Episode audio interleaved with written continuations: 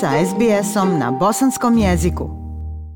Slušate program SBS radija na bosanskom. Govorimo o vejpingu, zamjenskom pušenju koje nije nimalo bezazleno, a naročito kada ga konzumiraju tinejdžeri. Nakon istraživanja koje je pokazalo da mladi misle da je vejping zdravi alternativa pušenju, tinejdžeri se upozoravaju na opasnosti od vejpa. Konzumiranje vejpa raste među mladima, a vlasti su zabrinute zbog uticaja koje ono ima na njihova pluća u razvoju. Prilog Hane Kwon. Vrlo lijepo upakovane i dostupne u nizu voćnih okusa. Tekućine koje se koriste u vejpu su primamljive. Ono što pakovanje ne otkriva je da sadrže i štetne hemikalije koje se nalaze u proizvodima za čišćenje, kao što su odstranjivač laka za nokte, sredstvo za ubijanje korova i sprej za insekte. Mnogi također sadrže nikotin, istu substancu koja izaziva veliku ovisnost koja se nalazi u duhanskim cigaretama. Emily Jenkinson vodi specijalne projekte u jedinici za kontrolu duhana u Vijeću za rak u Novom Južnom Velsu. Ona kaže da su dugoročni uticaj i pušenja vejpa na zdravlje još uvijek nepoznati. Što je prilično zastrašujuće.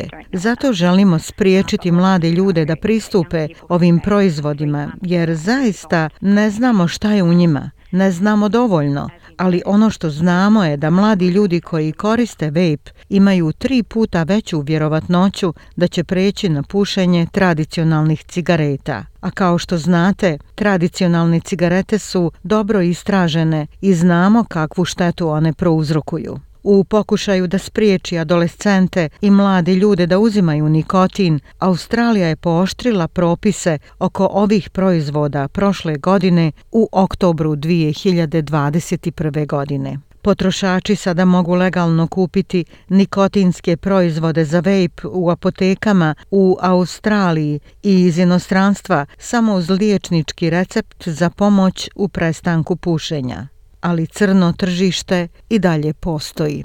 Vaping je udisanje pare koju stvara elektronska cigareta ili drugi uređaj za vaping.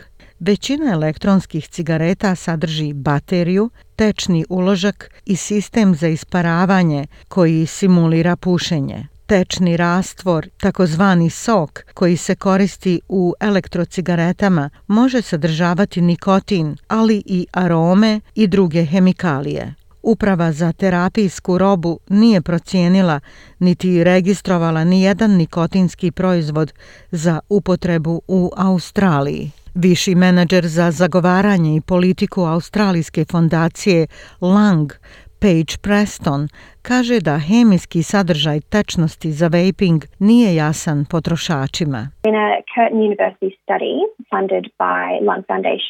U studiji Univerziteta Curtin, koju su finansirale Lung Foundation i Minderu Foundation, prikazana je procjena 52 vrste tečnosti vejpa s okusom. Otkrili smo da 100% svakog pojedinačnog testiranog proizvoda ima različite sastojke od onih koji pišu na etiketi, tako da su natpisi na etiketi bili netačni. Kada su u pitanju posljedice tih hemikalija, neke od njih su imale nepoznate uticaje na zdravlje, disajnih puteva, a neke poznate respiratorne uticaje. Ministar zdravstva Novog Južnog Velsa, Brad Hazard, kaže da vape sadrži štetne aditive. Vaping products are using chemicals that we, we find in antifreeze Vaping proizvodi koriste hemikalije koje nalazimo u antifrizu, ali su skriveni u 500 različitih okusa kako bi bili prihvatljivi. Mogu samo reći, to je cinični eksperiment ljudi koji proizvode ove proizvode za vaping i vape. I to je izuzetno opasno za mlade, pluća i njihov opšti tjelesni razvoj. Zamjenica glavnog državnog službenika za zdravstvo, dr. Mary Ann Gale, kaže da vape sadrži niz opasnih aditiva. And those additives can range across a whole number of substances that can be found in products like nail polish, uh, in bug spray, A ti aditivi mogu biti u rasponu od čitavog broja substanci koje se mogu naći u proizvodima poput laka za nokte, u spreju protiv insekata do deterđenata. Tako da smo stvarno zabrinuti zbog uticaja, udisanja, te vrste hemikalija koje se mogu povezati sa oštećenjem pluća, a vidjeli smo slučajeve da se to dešava. Prema Australskom institutu za zdravlje i dobrobit, upotreba elektronskih cigareta koje koriste ljudi stariji od 14 godina više se nego udvostručila od 2016. do 2019. Zdravstveni stručnjaci navode da se upotreba još više povećala tokom pandemije. Paige Preston iz australijske fondacije Lang kaže da postoji niz razloga zašto su elektronske cigarete postale popularne. People believe that e-cigarettes are less damaging um, for you than traditional cigarettes. Uh, they also are... Ljudi vjeruju da su elektronske cigarete manje štetne za vas od tradicionalnih cigareta. Također se prodaju vrlo pametno, tako da su privlačne mladim ljudima.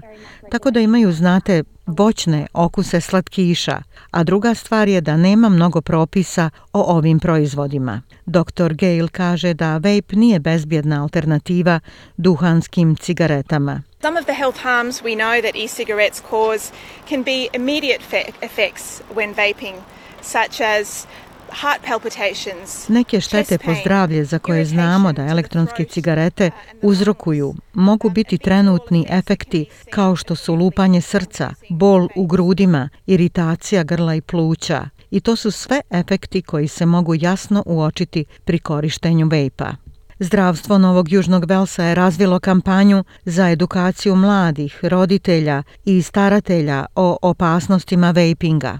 Ministar zdravstva Brad Hazard kaže da će kampanja Get the Facts Vaping Toolkit pomoći da se započnu važni razgovori. This campaign is certainly aimed primarily at educating, but it's also about hoping that we might be able to deter young people and Ova kampanja je uh, svakako prvenstveno usmjerena na edukaciju, ali također se odnosi na nadu da bismo mogli odvratiti mlade ljude od stvarnog korištenja vejpa. Nažalost, to je onako postalo na prvi pogled cool, a nije cool.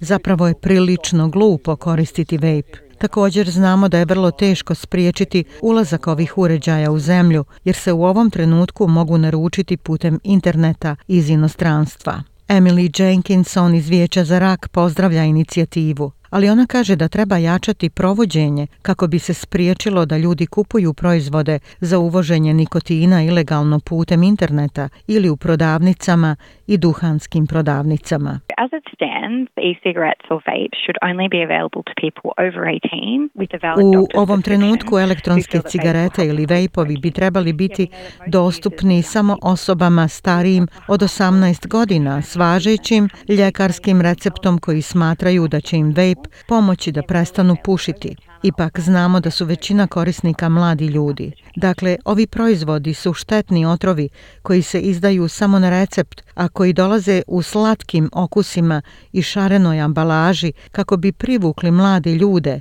i lako su dostupni u slobodnoj prodaji ili putem interneta bez provjera ili kontrola.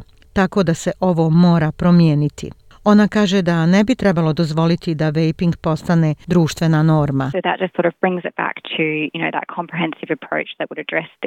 Tako da to samo na neki način vraća na onaj sveobuhvatni pristup koji bi se bavio ovim i otežavao pristup konzumiranja vejpa za mlade. Dakle, taj sveobuhvatni pristup bi trebao uključivati jaču politiku, praćenje i provođenje i obrazovanje, kao i rješavanje vaping pitanja. Vlada Novog Južnog Velsa kaže da zauzima oštriji stav prema trgovcima koji prodaju elektronske cigarete i e-tečnosti koje sadrže nikotin. Vlada kaže da je u periodu od 18 mjeseci do decembra prošle godine zaplijenila više od 100.000 elektronskih cigareta čija je ulična vrijednost procijenjena na preko 2 miliona dolara. Ja sam Aisha Hadži Ahmetović. Ostanite i dalje s nama like, share, comment. Pratite SBS Bosnian na Facebooku.